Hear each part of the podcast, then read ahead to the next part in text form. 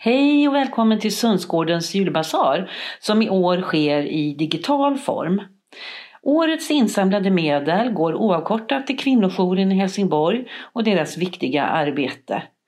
Lyssna nu och njut av en betraktelse från dagens julpoddsvärld och så swishar du valfritt belopp eller sätter in på Sundsgårdens bankgirokonto för att stötta kvinnojourens verksamhet.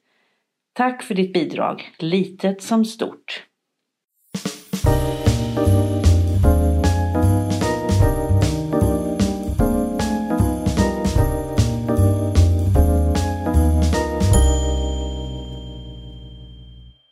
Det finns ett ställe i min hemstad Hamburg som heter Dialog im Dunkeln, dialog i mörkret.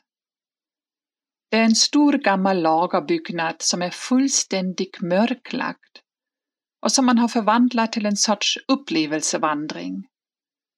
Som besökare får jag uppleva hur det är att röra sig i en stadsmiljö utan att kunna se det minsta.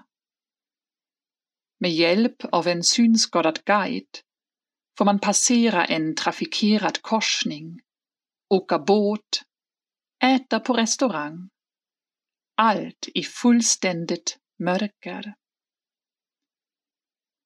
Jag minns hur rädd jag var när jag för första gången skulle gå in i mörkret.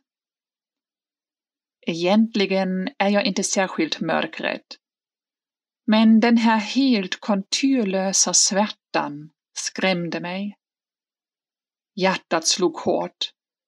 Jag spärrade upp ögonen men såg ingenting klamrade fast mig vid blindkäppen som jag hade fått.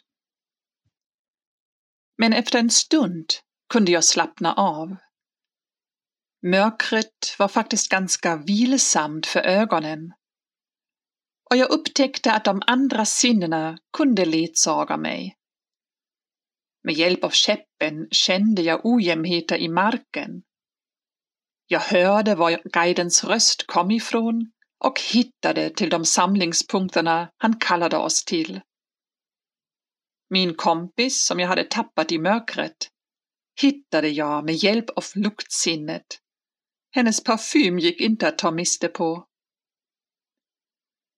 Mörkret var inte så tomt som jag hade befarat. I efterhand undrade jag hur jag kunde vara så rädd i början och vad det egentligen var jag var rädd för.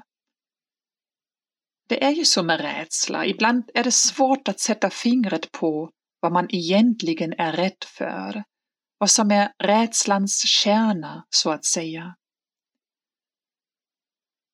Jag var nog mest rädd för min egen reaktion, att rädslan skulle växa sig till en panik utan kontroll